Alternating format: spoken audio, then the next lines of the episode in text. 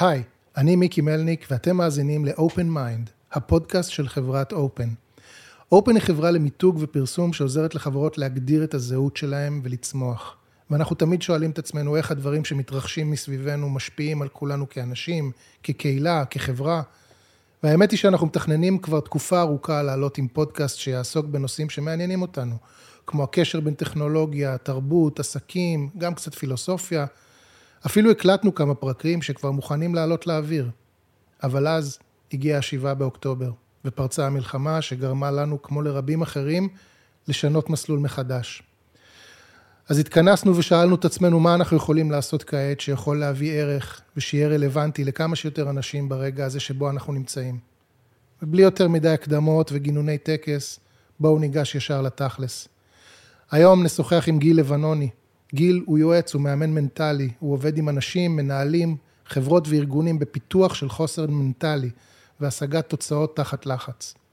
אני מקווה שתבואו בראש פתוח, תפיקו את המרב מהשיחה, ואם יש לכם הצעות, רעיונות, מחשבות נוספות, אתם יכולים למצוא אותנו בעמוד הפייסבוק של אופן, וכמובן שכדאי לעשות פולו כדי להיות מעודכנים בשיחות נוספות שנעלה בקרוב.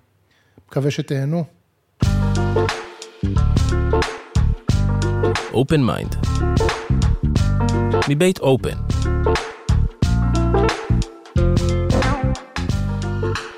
טוב, אז אנחנו בפרק אה, חדש, אה, ראשון למעשה, של אה, Open Mind, פודקאסט מבית אופן. ואנחנו פוגשים היום את גיל לבנוני, שהוא מאמן ויועץ מנטלי. אנחנו פוגשים אותך אה, לא במקרה, בתקופה שדורשת אה, אימון מנטלי והתמודדות מנטלית. אנחנו בשבוע השלישי מאז הטבח המזעזע בעוטף עזה והמלחמה שפרצה כנגד אה, החמאס. תקופה שמציבה את המדינה פה במבחנים ובאתגרים אה, עצומים, וכולנו חלק מהדבר הזה. אז קודם כל, אני באופן אישי יכול להגיד שכל פעם ששואלים אותי בשלושה שבועות האחרונים, מה שלומך? אני מוצא את עצמי בלי מילים, ואני עונה כמו כולם. זה בעצם התגובה שלי. מה שלומך? כמו כולם. אז uh, אני חושב שזו נקודה טובה להתחיל בה. אז uh, גיל, מה שלומך? אז תשמע, הרמת לי למשהו טוב. אה, יש בחור שקוראים לו הידי אופאים. יש להם את אה, משק אופאים. Mm-hmm. ואני, למזלי, נמנה על רשימת התפוצה שלהם. Mm-hmm. והוא שלח, הם שלחו בשבוע שעבר מייל. והמייל התחיל אה, בציטוט משיר של נעמי שמר. אני בכוונה נותן את הקרדיט כי מגיע. אה, וזה הולך ככה. הסוף של השיר שלה אומר, בשעה שקשה לי לשיר והכל מתמוטט על ראשי, התרשי לי לזכור ולהזכיר תמיד. לך יש אותי, לי יש אותך, לנו יש אותנו. זה מתוך שיר "מה שלומך אחות" של נעמי שמר. Mm. אז מה שלומי לא חשוב, חשוב שלנו יש אותנו. ואני חושב, הוא כותב אה, גם בהמשך המייל הזה, אנחנו האנשים להם חיכינו. וכל פעם שאני אומר את זה, וכל פעם שאני נזכר את זה, יש לי צמרמורת, כי אנחנו האנשים להם חיכינו. ואני חושב שזה הלך הרוח שצריך להיות לנו. לנו יש אותנו. שהכל מסביב אה, לא מתפקד, ולנו יש אותנו, הדלקנו אור בחושך. Mm-hmm. ונראה לי שזה די חשוב להדליק אור בחושך. אתה מתעסק הרבה עם לעזור לאנשים לפתח חוסן, חוסן מנטלי. כן. אתה עובד הרבה עם ספורטאים, עם ארגונים. עם אנשים. עם אנשים. איך, איך אתה יכול היום, מה היום אתה מזהה? אתה, אנחנו כולנו בסביבה שלנו, בוא תתאר לי כאילו מבחינתך את שלושת השבועות האחרונים, כי אני חושב שכולנו מצד אחד עוברים דברים מאוד מאוד דומים, מצד שני, אני חושב שיש מנעד מאוד מאוד רחב של דרכי התמודדות, ואנשים מתמודדים ומגיבים בצורות שונות. אה, אני חושב שכולנו היינו בהלם בהתחלה. וזה נכון ל- ל- לכולם. והרי מה זה חוסן? חוסן זה, ההגדרה של חוסן זה היכולת של גוף, אדם, אה, חומר, ארגון, לחזור למצבו המקורי אחרי אה, לחץ, מכה או טראומה שהוא עבר. מהמם. ואני חושב שאחד החומרים הכי, שאנחנו יכולים להשתמש בהם כדימוי זה ספוג, לא בגלל יכולת הספיגה, אלא אנחנו נמעך ספוג, הוא יחזור לצורה המקור- המקורית שלו כשנעזוב. מהמם. ולחזור לצורתו, לא נחזור לצורתנו המקורית, אבל לחזור לצורתו, זה הדבר ש, שמבדיל בין לבין לבין לבין. השימוש ב- בספוג כדימוי פה הוא מעניין. כי אנחנו אומרים, הרבה משתמשים בשפה שלנו בדרכים לחזק את עצמנו, ואנחנו אומרים, אנחנו צריכים להיות חזקים. חזק וספוג? הוא לא, זהו, ספוג הוא לא הדבר הראשון שאתה חושב עליו כשאתה חושב על, על עוצמה ועל כוח ועל, ועל חוזק. נכון, אבל תן לו אגרוף, הוא יחזור. ותמעך אותו, הוא יחזור, ותדקוך אותו, הוא יחזור. הוא, הוא יחזור. כלומר, יש משהו בפנימיות שלו הפנימיות, שמחזיר לא- אותו לצורתו. אנחנו צריכים ללכת יותר פנימה, נראה לי, לא להסתכל על, ה... על המבחוץ ועל העטיפה ועל ה... לא רק אה, ב... ביני ובינך, אלא גם בואו נסתכל קצת על ההנהגה שלנו, בואו נלך קצת לעומק ופנימה. ואני חושב שכשאנחנו נביט קדימה, אנחנו נבחר בחירות יותר עמוקות וטובות. אני מקווה מהמם. שכולנו נבחר בחירות עמוקות יותר וטובות. אה, דברים עמוקים יותר. אז כשאנחנו מדברים על חוסן ועל להתבונן פנימה, אז נניח, כשאני, כשאני חושב על חוסן לאומי, בסדר? אז אני חושב על חוסן שהוא ביטחוני, אני חושב על חוסן שהוא כלכלי, אני חושב על חוסן שהוא חברתי. אתה מדבר על חוסן מזווית אחרת, מזווית אישית, נכון? כשאתה מדבר על חוסן מנטלי, אתה מדבר על האינדיבידואל. אני מדבר על האינדיבידואל, אבל אינדיבידואלים מרכיבים בסופו של דבר אה, גופים, ומרכיבים חברות, ומרכיבים קהילות, ומרכיבים אה, אה, מדינות. האינדיבידואלים מרכיבים, הרי מה זה אה, חברה? שני אנשים שיום אחד היה להם רעיון, ואמר בואו בוא נעשה משהו ביחד, ובום, הם חברה של 100 איש. כן. אני חושב שבסוף גופים, חברות, אנשים, ארגונים, מורכבים מאנשים. אז צריך לתת את החוסן ואת ה, את היכולות האלה להתמודד ולצמוח ולפעול, ולעבוד אה, תחת סטרס אה, לכל אחת ולכל אחד. מ, מ, דרך אגב, מגילי הילדים ובתי הספר. צר, אנחנו צריכים את הכלים הללו. אנחנו חיים במדינה של סטרס, אנחנו כאילו כולנו גוש של סטרס אחד גדול, זה לא סטרס הוא מעכשיו. המגפה של המאה ה-21, ארגון הבריאות העולמי אומר. וואלה. לא אני. ומתחת להימאליה יש אה, אנשים שיש להם יאק, נכון? והם מאושרים. מהמם. ובניו יורק, מתחת למגדלים, יש אנשים שיש להם פרארי, והם אומללים. זאת אומרת, כשאנחנו מציבים לעצמנו, כשאני אגיע ל-X, אהיה מאושר, זאת משוואה שהיא לא נכונה. היא לא נכונה. כשיהיה לי את התואר, כשאני אתחתן, כשאני... וכש, וכש, וכש, וכש, אבל זה לא נכון, זה לא נכון, זה משהו ש- עמוק יותר. אתה אומר שהסטרס נוצר כשיש איזושהי מחשבה שהאושר תלוי באיזשהו משהו שנשיג.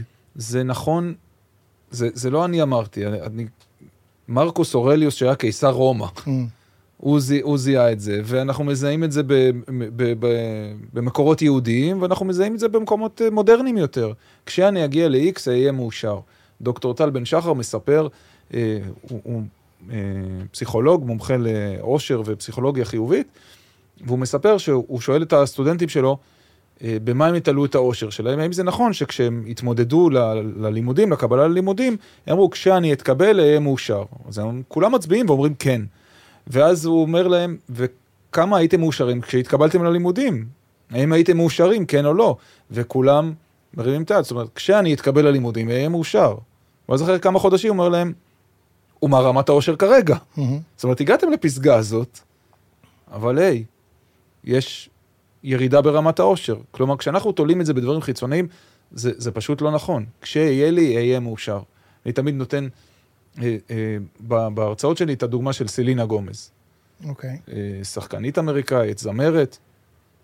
אני חושב שהיא האדם הראשון שהגיע ל-100 מיליון עוקבים באינסטגרם, משהו כזה, היא מוערכת כמעט ב-100 מיליון דולר שווי. והיא מספרת שתחושת הבדידות בהופעות היא עצומה. Mm. עכשיו, זה מוזר, בסיבובי הופעות היא מוקפת אנשים. איך היא מרגישה בודדה? אז כשאני תולה את הדברים במשהו חיצוני ואני לא הולך פנימה, אה, נו, זה לא עובד. אז ללכת על ההרגל הזה שוב ושוב ושוב, זה לא עובד. אני חושב שאנחנו צריכים לפתח את החוסן הזה פנימה. ו- וכשאתה מפתח את זה ומתאמן על זה, כשאתה מגיע לאזורים הנוראיים שבהם אנחנו נמצאים, לחשיכה הגדולה שאנחנו נמצאים, טיפ-טיפה יותר טוב לך. Mm. לא יותר טוב, לא טוב לך, אבל טיפ-טיפה יותר. אתה טיפ-טיפה יודע להתאושש יותר, אתה יודע לבחור את ההרגלים שלך, לא להיות תלוי במישהו אחר שלוחץ לך על הכפתורים. כשאתה יכול לבחור, יותר טוב.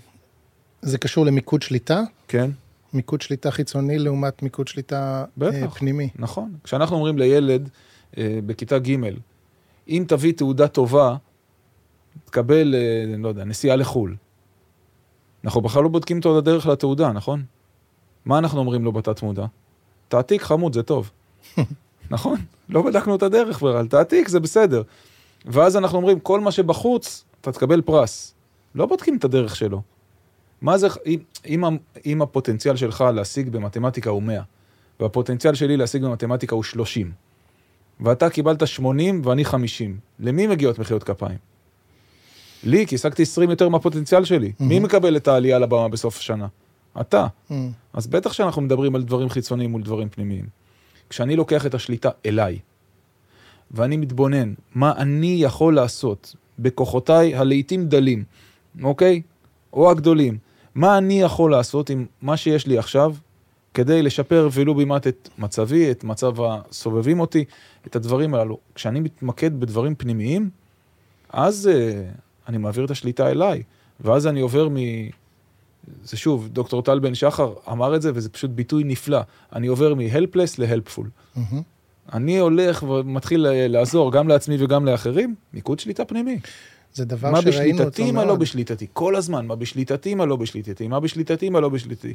שאנחנו יודעים להבדיל ולהבחין בין מה בשליטתי ומה לא, לא בשליטתי, ואנחנו הולכים ומתמקדים רק מה בשליטתי, רק במה שבשליטתי, אנחנו נהיה פשוט יותר טובים. מהמם. זה נכון לספורט, זה נכון לניהול, זה נכון לחיים בכלל. יש אזעקה, זה בשליטתך? לא, אוקיי. מה אתה עושה בזמן האזעקה בשליטתך? במידה מסוימת. 100% בשליטתך, לא במידה מסוימת. 100% בשליטתך. 100% בשליטתך. האם בזמן אזעקה אני לוקח את הילדים והולך לממ"ד, או בזמן אזעקה אני לוקח, לוקח את הילדים, הולך לממ"ד, ומתחיל לחרוש את כל ההתראות שיש בכל רחבי המזרח התיכון. שני דברים שונים, נכון? אז בואו נתמקד במה שבשליטתנו. אנחנו ראינו בעקבות ה, ה, מה שקרה בדרום, התגייסות מטורפת, כמעט ספונטנית, מיידית, של אנשים שהגיבו. הגיבו בעשייה, הגיבו בהתנדבות, הגיבו ב... אפילו לקום ו...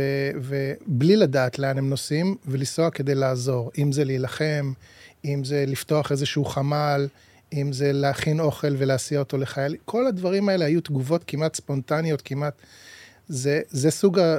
זה סוג התגובה הפנימית הזאת שאתה מדבר עליה? לנו יש אותנו. כן? לנו יש אותנו. אתה יודע, אה, עבדתי בהפועל באר שבע, Mhm. ושיחק שם כדורגלן יוצא מן הכלל, טוני נוואקמה. והוא פעם שאל אותי, איך זה, איך זה עובד פה? מה, איך זה שאתם כולכם... אמרתי לו, הוא אומר, איך זה שאתם כולכם, שקורה משהו כולכם ביחד? אמרתי לו, איך זה אצלכם? והוא התחיל לצחוק, וטוני היה לו חיוך באמת אה, קסום. הוא אומר לי, It's not like that in Nigeria. שם כל ש... שבט לעצמו. ככה הוא אמר, אני לא יודע אם זה נכון, כן? אבל יש איזה, איזשהו משהו ש... ש... שמחבר כאן. זה המהות של קבוצה. נכון? נכון. אחרת כל הספורט היה ספורט יחידני, אבל ברגע שיש קבוצה, אז צריך לבנות את הקבוצה. אתה יודע, אני, אני מלווה את uh, איגוד הג'ודו כבר מעל עשור, ב- בתפקיד אחר, יותר בצד התדמיתי, וזה מדהים, באולימפיאדה, כבודדים, לא, לא הצלחנו. זאת אומרת, ברוך שמאלוב הגיע חמישי, ו, ושירה ראשוני עשתה אולימפיאדה נערת, וטימנה עשתה אולימפיאדה נערת, אבל לא הייתה מדליה, אוקיי? לא הייתה את חתיכת המתכת. וכקבוצה, וואו. תשמע, נבחרת ישראל בג'ודו ניצחה את נבחרת רוסיה. שנבחרת רוסיה, בגלל שפוטין אה, הוא, הוא, ג'ו, הוא ג'ודוקה, לנבחרת רוסיה אין תקציב מוגדר, מה שהם רוצים הם מקבלים. כן, אוקיי. צ'ק פתוח. ממש כך. ונבחרת ישראל ניצחה את איטליה, וניצחה את רוסיה, וניצ... וואו. והיה שזה משהו שהם כולם דיברו על הרוח המיוחדת הזאת, נבחרת הנשים ונבחרת הגברים ביחד, היה שם איזה משהו. זה אדיר. אתה יודע, ב... בשלושה שבועות האחרונים אני אה, על דיאטה של אה, חדשות, חדשות, חדשות, ורשתות, רשתות, רשתות. ו... אתה לא בדיאטה, אתה ב over. אני ב over. כן. אני ב over. נדבר על זה. אבל לפני שנדבר על זה, אני רוצה, בהקשר של מה שאתה מדבר עכשיו, כשהרשיתי לעצמי טיפה רגע להסיט את המבט, אז הלכתי לנטפליקס וראיתי את הארבע פרקים על בקאם.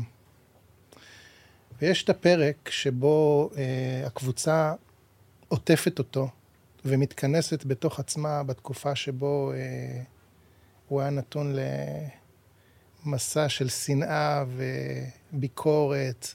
זה אחרי שבקאם עשה את העבירה על דיגו סימאוני במונדיאל, קיבל כרטיס אדום, והמאמן של אנגליה הפיל את ההפסד עליו. בדיוק. והוא, אני חושב שאם מדברים גם על חרמות, אפשר לדבר על חרם אולי כאיזשהו מקור לסטרס מטורף. ומה בן אדם, או מה ילד, או מה כל בן אדם עושה כשהוא נמצא תחת סיטואציה כזאת. אבל הוא, אה, הוא מגלה חוסן מטורף. ממש כאילו יוצא דופן, והקבוצה גם מגינה עליו. והיה שם מנהיג. ה manager אלכס פרגוסון, מנהיג גדול. Mm-hmm. ו- ולא רק בסיפור של בקאם, היו עוד כדורגלנים שנקלעו שם לצרות כאלה ואחרות, ראיין גיגס וקנטונה וכאלה. תמיד פרגוסון היה שם, אמר, אני פה. דרך אגב, עוד, עוד אה, מנג'רים גדולים אה, שהיו עושים את זה, כמו מוריניו, שתמיד היה אומר, תתקפו אותי. אה, עזבו את האחרים. אתה צריך מנהיג אה, במצבים כאלה. אז עכשיו אתה גם פוגש ארגונים. אתה כן. פוגש ארגונים, אתה פוגש חברות, אתה עובד איתם בתקופה הזאת, מה... איפה, איפה אנחנו נמצאים? המשק גם כן באיזשהו סוג של מהלומה. מה עושים? אה, דבר ראשון צריך להגדיר מטרות. וכשאנשים מנהלים מגדירים מטרות, הם צריכים לזכור שיש דבר אחד שהוא חשוב יותר מהכל. זה האנשים. בסוף, בדרכך האחרונה, אף אחד לא יספר כמה בתים היו לך. יש uh, משפט מדהים של משוררת אמריקאית, מאיה אנג'לו, שאומרת, פחות או יותר, אם, אם אני מצטט נכון, אנשים ישכחו מה עשית עבורם, אנשים ישכחו מה אמרת, אנשים לעולם לא ישכחו אה, איך גרמת להם להרגיש. כן. ואנשים צריכים היום לא מנהלים. אנשים צריכים מנהיגים של אנשים. ואם אתה כמנהל תהיה מנהיג של האנשים שלך, הם יעשו בשבילך הכל בלי שתבקש. אם אתה תהיה מנהל שרק תדרוש מהם עוד תוצאות ועוד תוצאות, ולא אכפת לי שהילדים שלך בבית תתמודד איכשהו, זה לא טוב. א', כ- כבני אדם, איפה הערבות ההדדית? ב', הוא יעשה בדיוק מה שאתה מבקש, אבל לא מילימטר יותר. לא מילימטר יותר. ואני חושב שיש יש חברות שהמנהלים הצליחו להגיד, רגע, רגע, stop, מה אני צריך להיות עכשיו באמת? איזה אדם אני רוצה להיות היום עבור האנשים סביבי? איזה אדם אני רוצה להיות היום עבור הקולגות שלי? איזה אדם אני רוצה להיות היום עבור העובדים שלי? איזה אדם אני רוצה להיות היום עבור הילדים שלי? ואתה יודע מה? אני חושב שאנחנו צריכים לקום כל בוקר, לקחת דף ולהחליט איזה אדם אני רוצה להיות היום עבור. מהמם. וכשנתחיל לקחת את הבוקר, גם לא רק היום, בכלל, אתה מחליט לעצמך מה אתה רוצה להיות היום. אתה לא נותן לסביבה לנהל אותך, אתה מנהל אותך, זה שוב מיקוד שליטה פנימי וחיצוני. מהמם. אם אני מחליט היום מה אני רוצה להיות, הסיכוי שאני אהיה הרבה יותר מאשר אני אקום בבוקר ו... טוב, אה, בוא נראה מה קורה ומשם נתקדם. זה כאילו, זה מזכיר לי את ה... בפסיכולוגיה מדברים על התגובה ל... לאיום, או תגובה ל... אתה נפגש מול משהו שבא ותוקף אותך, מאיים עליך, אז יש לך כמה... fear, fight, flight. בדיוק, יש לך את הפריז, freeze, fly- fight, flight, נכון. יש את ה fight ויש את ה flight. אני חושב שמה שאתה מדבר עליו, צריך להוסיף עוד, אה, עוד אחד למדורה, וזה ה-serve. כלומר, זה לא בדיוק fight, זה בקטגוריה של ה fight, כי fight מדבר על להיות אקטיבי. flight זה גם אקטיביות, אבל זה אקטיביות של להוציא את עצמך מאזור הסכנה. freeze זו תגובה שלא בטוח שיש לנו שליטה עליה. יש אנשים שפשוט לוקים גם, ב... גם על ה... גם, דרך אגב, גם על ה fight וגם על ה... לברוח, אין לנו שליטה, זה זה אוטומטי. אינסטינקטיבי. זה אינסטינקטיבי. גם ה freeze, זה נובע ממנגנון של אם אני אקפא, כשאני חיה, ואני אטמע בסביבה, הטורף לא יראה אותי. מהמם, זה, זה משם מגיע. כן. זה, אבל כן, אנחנו צריכים להיות, להתבונן בתגובות האוטומטיות שלנו, לראות אם הן משרתות אותנו, ואז לבחור. אז הסרב הזה הוא אוטומטי, או הוא החלטה מודעת? החלטה. אני חושב שככל שאנחנו נחליט יותר, וככל שאנחנו נתבונן, האם האוטומט הזה עוזר לנו. תראה את, ה, את המנגנון הזה, של, ש, שזה נקרא החלק הזוחלי ההישרדותי במוח, של האוטומט, של או שאני בורח, או שאני כופה, או שאני תוקף, יש את זה גם לתנינים, אוקיי? מהמם, מה שהתפתח במוח האנושי עם השנים, ו, ויש לנו ב, במידה אה, ש, שגורמת לנו להיות שונים מדגים, זה האפשרות לתכנן ולבחור. מותר האדם מן הבהמה בזכות הבחירה. אנחנו רוצים לבחור כמה שיותר, לא להיות מונעים על ידי האינסטינקט. אמרת שכל הזמן צרכת חדשות. זה אינסטינקט. אני עדיין. אוקיי, זה עושה לך טוב? אני לא רגע, יודע להגיד את זה. את האמת. את האמת? כן, זה עושה לך טוב. תראה, בוא נתחיל בזה שבשבוע הראשון, זה בכלל לא שאלתי את עצמי את השאלה הזאת. לא, לא הייתי, הייתי, זה באמת אינסטינקטיבי. זה כאילו על חוסר היכולת להתנתק, זה אומר שגם לא ישנים טוב בלילה, וכשאתה פותח את הטלפון, הדבר הראשון שאתה בודק זה מה קורה. זה היה באמת... היית יותר רגוע? כשישנת פחות? לא, אוקיי, לא אז- הייתי אז יותר גרוע. היית יותר, רגוע. היית, לא היית יותר רגוע, ישנת פחות טוב והיית יותר בסטרס. אני לא יודע אם הייתי יותר בסטרס, מאשר אם... לא, אני לא- לא חושב שיכולתי אחרת. אז בואו, וניתן גם למאזינים שלנו כלי. רגע, כלי שלפני- הבחירה. זה, אבל זה, זה חשוב להבחין את זה, כי אני בן אדם, אני יכול להעיד על עצמי, אני בן אדם שמתרגל מדיטציה לצורך העניין. אני מודע. אני יודע שיש דברים טובים ויש דברים לא טובים, ושהרגלים, כלומר, אני לא בא מאיזשהו מקום חסר מודעות. כן. ועדיין, התגובה הראשונה הייתה חזקה ממני מאוד. ומעכשיו בוא נלך קדימה. אוקיי, מה שהיה היה. מה שהיה היה. אתה עברת יכול לשנות? לא. אז מפה אנחנו הולכים קדימה. אוקיי, אנחנו רוצים לח- לקחת את הסיטואציה ולחלק אותה לארבעה חלקים. הסיטואציה היא, קורה משהו, ואני נצמד לחדשות 24/7. סיטואציה ותגובה. יש מנגנון. המנגנון נקרא טריגר, תגובה, פרס. אוקיי, אוקיי. קורה משהו, זה הטריגר. אנחנו פועלים בצורה מסוימת, מגיבים בצורה מסוימת, ואם התגובה שלנו נתנה לנו פרס, אזי בכל פעם שיהיה את אותו טריגר, אנחנו נגיב באותה צורה כדי לקבל את אותו פרס. אם אני רעב, זה הטריגר, אני אוכל, זאת התגובה, אני שבע, זה הפרס. טריגר, תגובה, וכך משתרש לו הרגל. הרגל, דפוס התנהגות, כן, כן ממש והוא ככה. יכול להיות חיובי, הוא יכול להיות גם שלילי. בד- בד- בדרך כלל בהתחלה אנחנו מתרגמים אותו, מתר, מתרגמים אותו כחיובי, אחרת לא היינו עושים אותו, הוא עוזר לנו. נכון. אוקיי? זאת אומרת, אם אני מרגיש לא נעים, ואני אוכל, אני מרגיש נעים. הנה העיוות. בקטנה. אני מרגיש לא נעים, זה לאו דווקא רב, אני מרגיש לא נעים. אני הולך ותוקף את המקרר, אני מרגיש נעים. הנה אכילה רגשית, אוקיי? או אכילה לא מודעת, או הדברים האלה של משעמם לי, אז אני מרגיש לא נעים, כאילו תרגמתי, המוח תרגם את זה כמשהו לא נעים, אולי רעב, אולי לא, לא משנה, בוא, יאללה בוא נאכל. כן. זה פרס? אנחנו לא בודקים את הפרסים. כלומר, בטריגר פעולה פרס, קורה משהו, אני צורך חדשות ללא הפסקה, אני בשליטה, אני שם סימן שאלה. ואני מחלק את זה. הטריגר הוא, יש אזעקה. התגובה היא, רואה חדשות, שעה רצוף עכשיו.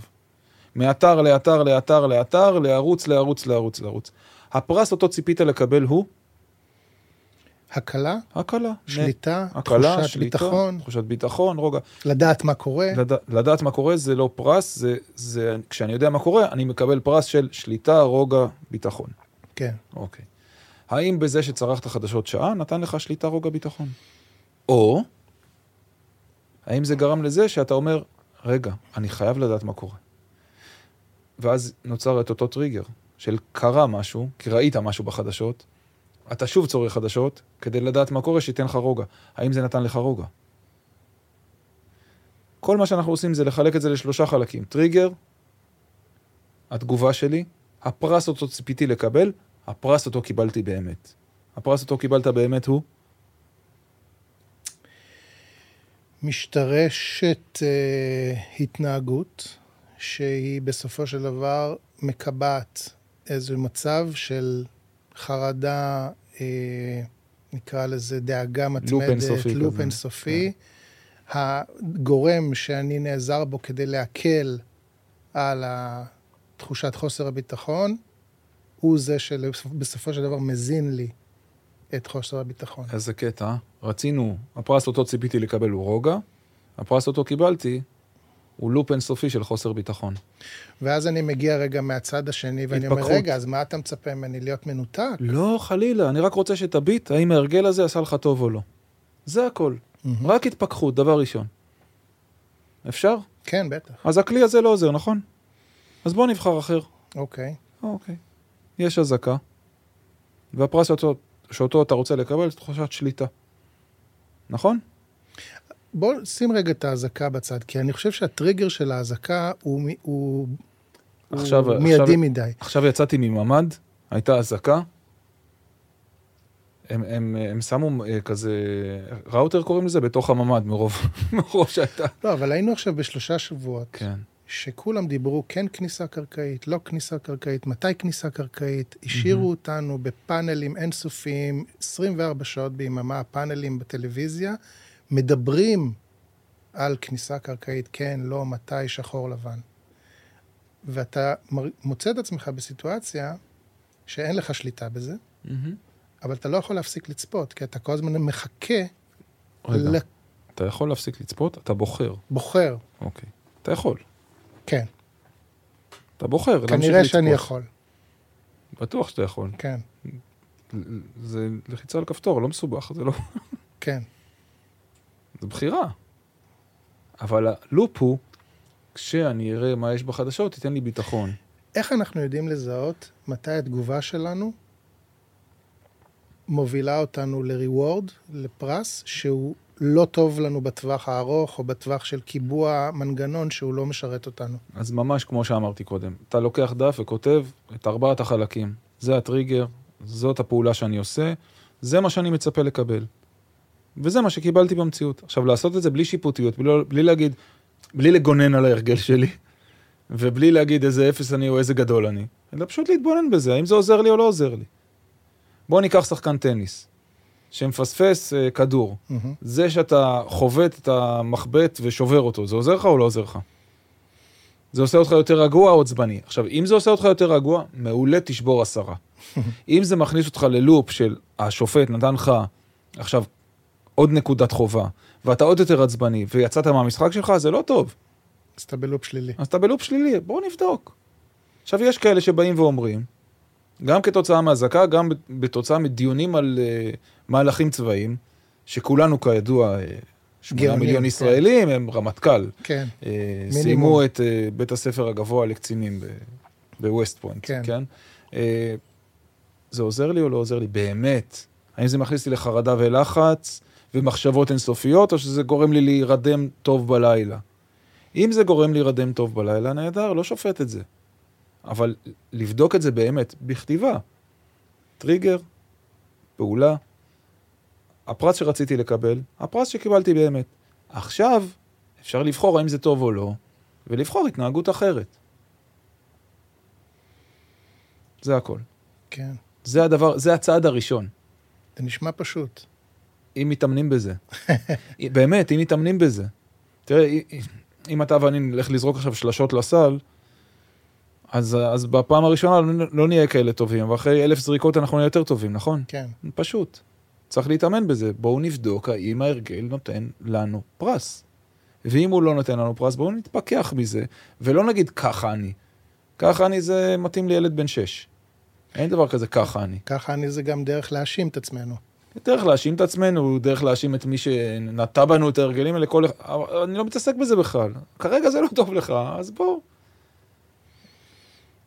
וזה לא להתנתק, דרך אגב, זה לא להתנתק, לדעת כל הזמן מה קורה אה, אה, רחוק מכאן, או קרוב לכאן, זה לא להתנתק. אתה רוצה להתחבר? קודם כל תתחבר לעצמך. איך עושים את זה?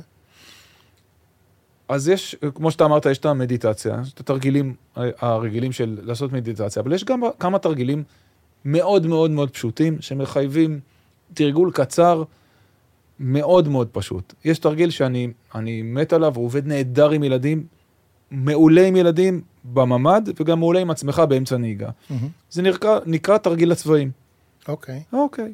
אנחנו נמצאים בחלל שיש בו צבעים, נכון? פעם אתה ופעם אני, נגיד איזה צבע אנחנו רואים בחלל מולנו, ונגיד את המילים אני רואה. אבל לפני זה בוא תחשב רגע על מצב מלחיץ. חסר? חסר, יש? יש. איפה הלחץ נמצא בדרך כלל אצלך? בחזה. אוקיי, עכשיו, אני רואה ירוק, תורך. אני רואה ורוד. אני רואה כתום. אני רואה לבן. אני רואה בורדו. אני רואה שחור. אני רואה תכלת. אני רואה שקוף. אני רואה ירוק כהה. אני רואה סגול. אני רואה חום. אני רואה ירוק. חשבת על הלחץ או חיפשת צבע? הייתי עסוק בחיפוש אחר צבעים. אוקיי, מה, במרחב. מה מדד, מצ- מדד הלחץ כרגע? ירד. ירד. כי יש באג במוח. אוקיי. הוא לא יכול לחשוב שתי מחשבות באותו שבריר שנייה. מחשבה אחר מחשבה אחר מחשבה אחר מחשבה הוא יכול. בתרגיל הצבעים, אנחנו הולכים ומחפשים צבעים. כלומר, אתה מחזיר אותנו לכאן, לעכשיו, להווה, אמת. וזה לא הסחת דעת, זה מיקוד הדעת. מיקוד הדעת, למה הסחת דעת? הסחת דעת זה כש... מה ש... שקוראים ב... ב... הנזירים הבודהיסטים, monkey mind. מהמם. זה ללכת אחורה וקדימה, אחורה וקדימה, אחורה וקדימה. דרך אגב, המוח שלנו מתוכנת ללכת לעבר, להסיק מסקנות, וללכת לעתיד, לתכנן. מהמם. זאת הסיבה ששרדנו בטבע, כן? הסקנו מסקנות איפה האריות נמצאים, ולא הלכנו לשם. ידענו איפה התותים נמצאים, והלכנו לשם, לשם. על סמך העבר. אבל כשאנחנו נמצאים כאן ועכשיו, תרגיל הצבעים ממקד אותנו בכאן ועכשיו. חמש פעמים דקה ביום, תוך כדי נהיגה עם הילדים, בבית, בטח תוך כדי אזעקה, תרגיל נהדר. אחלה תרגיל. והוא מזכיר לי תרגיל שכשאני למדתי מדיטציה, אחד מהתרגילים המודרכים אה, שהיו לי, שמאוד אהבתי עד היום, אחד מהקשיים במדיטציה זה שחודרות מחשבות. כל הזמן חודרת מחשבה וחודרת מחשבה וחודרת מחשבה, ואתה מוצא את עצמך לפעמים שקוע במחשבה, ואתה לא יודע, ולא שם לב אפילו, שאתה פתאום שטת. ריחפת לך לתוך מחשבה, ואז אתה פתאום נזכר שאתה בעצם אמור לא לחשוב, או אתה אמור לחזור לאיזשהו מקום כזה. ש... תרגיל מעולה, שלמדתי אותו בשלבים המוקדמים, זה לשאול את עצמך, מה תהיה המחשבה הבאה שלי? אה, נהדר. גדול. רק זה. וברגע שאתה שואל מה תהיה המחשבה, אתה פתאום בקשב לראות מה, איזה מחשבה מגיעה, והיא לא מגיעה, כי אתה עסוק בשאלה מה תהיה המחשבה הבאה מעולה. שלי. מעולה. אז זה מאוד דומה לאיזה צבע אני רואה. אז זה אחלה תרגיל. אה, איזה עוד תרגילים אתה חושב שאפשר היום לאמץ לאדם הפשוט, לאדם הלא אה, מתרגל ביום-יום? כי זה עוד דבר שכאילו, אני חושב שיש הבדל גדול בין אנשים שהם מתרגלים כל הזמן, מהמם. מה שנקרא מאומנים, כן. לעומת אלה שפתאום מוצאים את עצמם בסיטואציה שוואלה, הסטרס הוא סטרס, הקושי הוא קושי.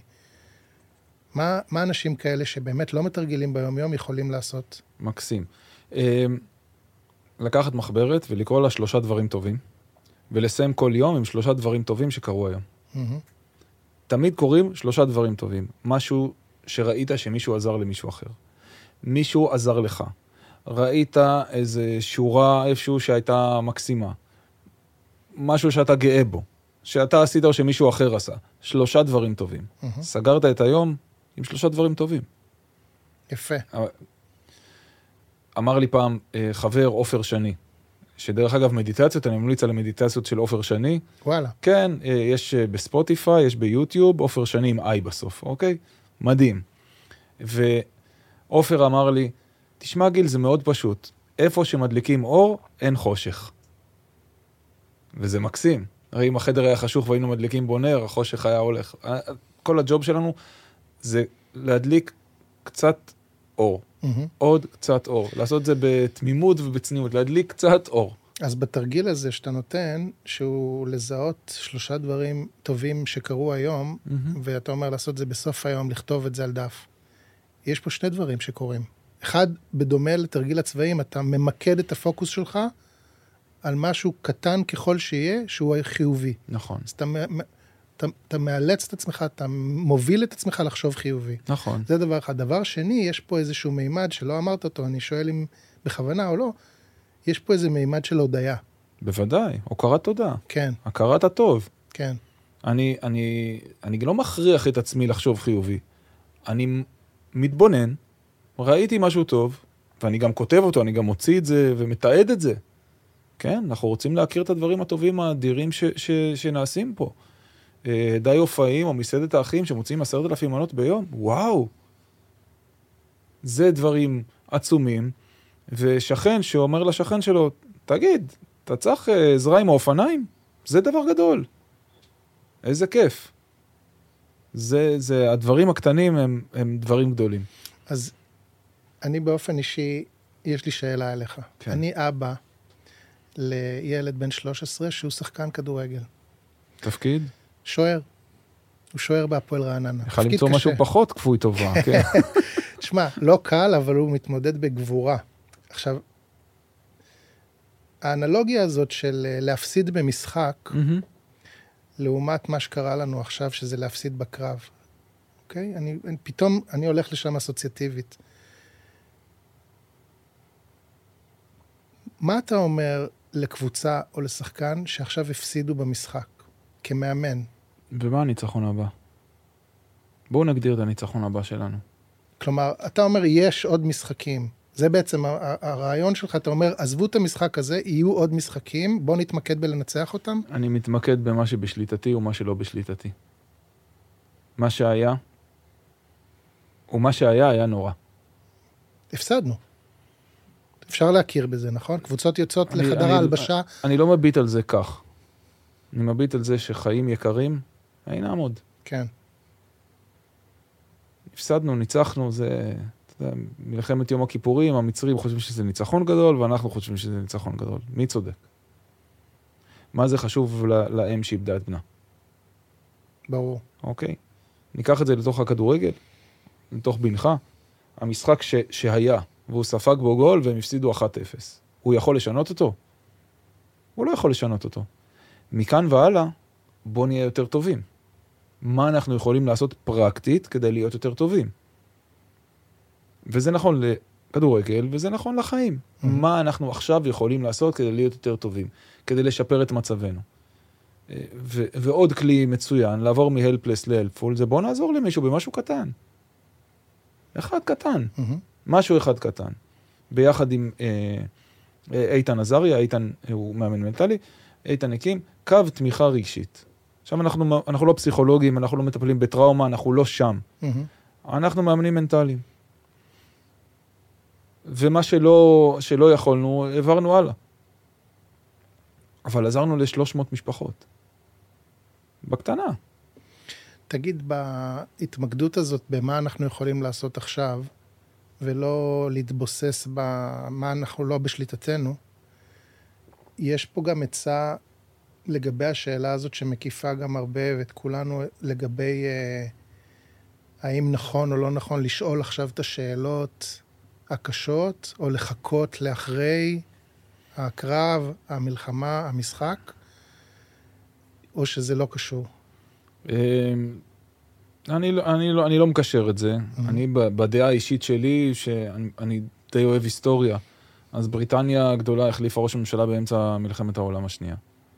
אז אה, כן, צריך לשאול שאלות וצריך לקבל החלטות. כן. באמצע מלחמת יום הכיפורים הביאו את אה, חיים בר-לב להח- להחליף את אה, אלוף פיקוד דרום. אז כאילו באותו קור רוח שאתה אומר, בוא נסתכל כרגע אם הדבר עושה לנו טוב, עושה לנו רע, בוא נסתכל על התגובה, בוא נסתכל על התוצאה, אתה אומר אותו דבר גם עכשיו. צריך להסתכל על מה עושה לנו טוב, מה נכון לנו, ולהגיב בהתאם. נכון. כי שוב, אני רוצה לקחת כמה, כמה שזה קשה וכמה שכל הדברים, רוב הדברים אינם בשליטתנו וקרו דברים נוראים, אני רוצה לעשות את הצעדים הקטנים. מצעדים קטנים קורים דברים גדולים.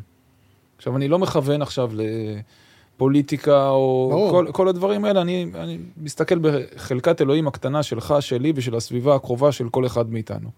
הרי אם ניקח את הסביבה הקרובה שלך ושלי, אה, ושל איתמר פה בחוץ, ושל שר, ושל אייל, ושל דבורית, פתאום יש לנו מדינה. Mm-hmm. סביבה קטנה ועוד סביבה קטנה ועוד סביבה קטנה ועוד סביבה קטנה, פתאום יש לנו מדינה ויש לנו קהילה. נכון. ושם אנחנו רוצים להיות. בואו נעשה צעדים קטנים לטובת הטוב. ואני חושב שככל שאנחנו ניקח יותר את השליטה אלינו, ומה זו חרדה? חרדה זה מחשבות של דאגה, פחד, לחץ, כתוצאה ממשהו שאיננו יודעים מה התוצאה שלו. Mm-hmm. התוצאה אינה ידועה מראש. והדרך להוריד חרדה זה לעשות כמה שיותר דברים בשליטתנו, שאנחנו יכול, יכולים לדעת שאנחנו אחראים לביצוע שלהם. כן. אם אני קם בבוקר וכותב את המטרות שלי להיום, אני כותב את המטרות שלי להיום. הנה צעד בשליטתי לכתוב את המטרות שלי להיום. אם אני קם בבוקר וכותב יומן, אני שופך הכל החוצה, אני לא שומר בבטן. הנה עוד צעד בשליטתי. Mm-hmm. לכתוב יומן, דרך אגב, זה עוד צעד פרקטי מאוד פשוט. אני, אני אוהב לצטט את uh, אנה פרנק. היא אמרה, הנייר סבלני יותר מבני אדם. Mm-hmm. ו, ואין בעיה לכתוב משפט בבוקר, שלושה משפטים בבוקר, עשרה משפטים בבוקר, או חמישה עמודים בבוקר, ולסיים בשלושה דברים טובים שקרו היום. ואין אין, uh, שום בעיה אה, להגיד את התודה, ואין שום בעיה לראות את הטוב, ואין שום בעיה להחליט מה המטרות שלי היום, ואין שום בעיה להחליט איזה בן אדם אני רוצה להיות היום. ואין שום בעיה לעשות תרגיל צבעים, חמש פעמים ביום, דקה, mm-hmm. חמש דקות מהיום שלנו. אין שום בעיה בדברים הקטנים והפשוטים האלה. אז אם אנחנו מתחילים לסכם כזה סט של... אה, סט כלים. סט כלים אה, פרקטיים, ממש פרקטיים, mm-hmm. שיכולים לעזור בתקופה הזאת, ואולי הרבה מעבר לזה גם בהמשך, כדי להמשיך לאמן ולפתח את החוסן שלנו. ואנחנו חיים במקום שאנחנו צריכים חוסן. אז קודם כל להיות ספוג, נכון? כן, אבל לא. כדי לספוג, אלא לדעת לעשות באונס. גם, גם לספוג, זה. יכולת שיש לספוג, כן. זה, זה טוב. אם לוחצים, המים יוצאים, משחררים, כן. המים נכנסים. אבל המקום הזה שאנחנו נוכל אה, בגמישות, כן. מתוך המבנה הפנימי שלנו לחזור לצורה שלנו, mm-hmm. אחרי שאנחנו נלחצים. דבר השני זה למקד את החשיבה אה, בחיובי, נכון? בדברים שבשליטתנו. Mm-hmm. אה, להיות בהודיה. אה, דיברנו על ה... להסתכל בצורה כמה שיותר אובייקטיבית על התגובה שלנו לטריגר, mm-hmm. ואז לבחון האם התוצאה של התגובה שלנו הייתה באמת טובה לנו, או כזו שרק מכניסה אותנו לסייקל אינסופי של חזרה לתגובה או חזרה ל... mm-hmm. להרגל שלילי. מה עוד? מה פספסתי? אה, לא פספסת, יש עוד כל מיני יש... כלים פשוטים. אם אני עובד מהבית, אני עובד מהבית. עובד מהבית, לקום ולהתלבש לעבודה. וואלה. למרות שאתה עובד מהבית. כן. אל תיתן ל... לעצמך להמשיך את השינה שלך, לא... תקום, תסתדר. כן. יש כאלה שאני... סוויץ' בראש. סוויץ' בראש, יש כאלה שאני אפילו... אה, זה טריק שעובד איתם נהדר. צא לאוטו ותחזור הביתה. כאילו נכנ... יצאת מהבית, חזרת לעבודה. כן. זה מאוד מאוד מאוד טוב. אה, לעשות לך פתק מטרות יומי, מה המטרות שלי היום? Mm-hmm. מה הפעולות שאני אעשה בדרך למטרות האלה, מה עלול להכשיל אותי בדרך, ואיך אני אגיב למכשול הזה. ואז מה שקרה זה שלא כל דבר קטן שהילדים צעקו בבית שאני באמצע זום מוציא אותי מדעתי. אני מוכן מראש לזה שהילדים בבית, וזה עלול להכשיל אותי בדרך ל... כשאני באמצע הרצאה או שיחת זום.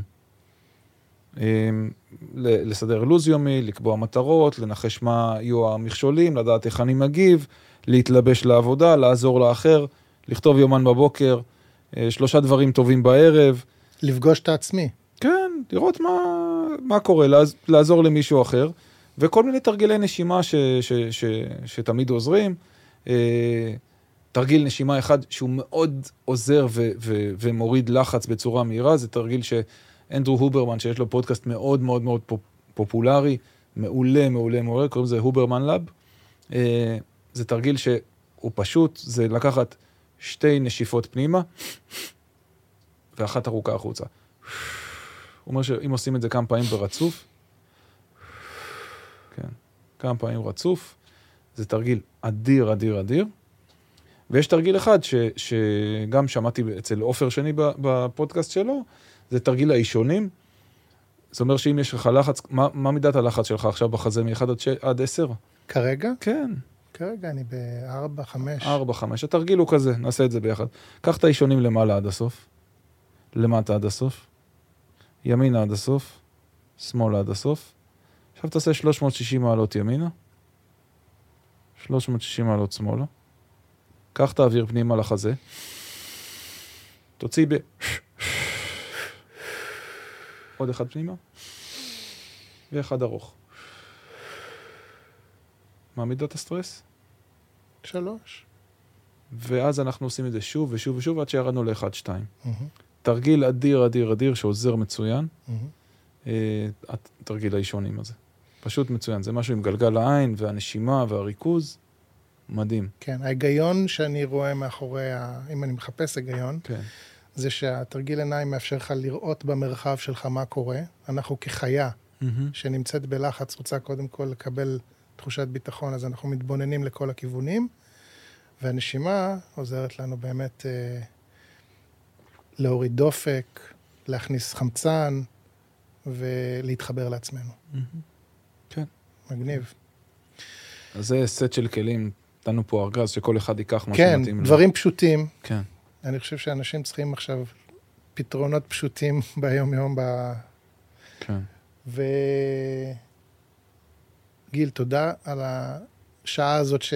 תודה רבה. בילית איתנו. תודה. אני מקווה שנוכל בעתיד לדבר כאילו על בניית חוסן כזה יותר ארוך טווח. גם עכשיו אנחנו באיזה מין שיחת תגובה. כן.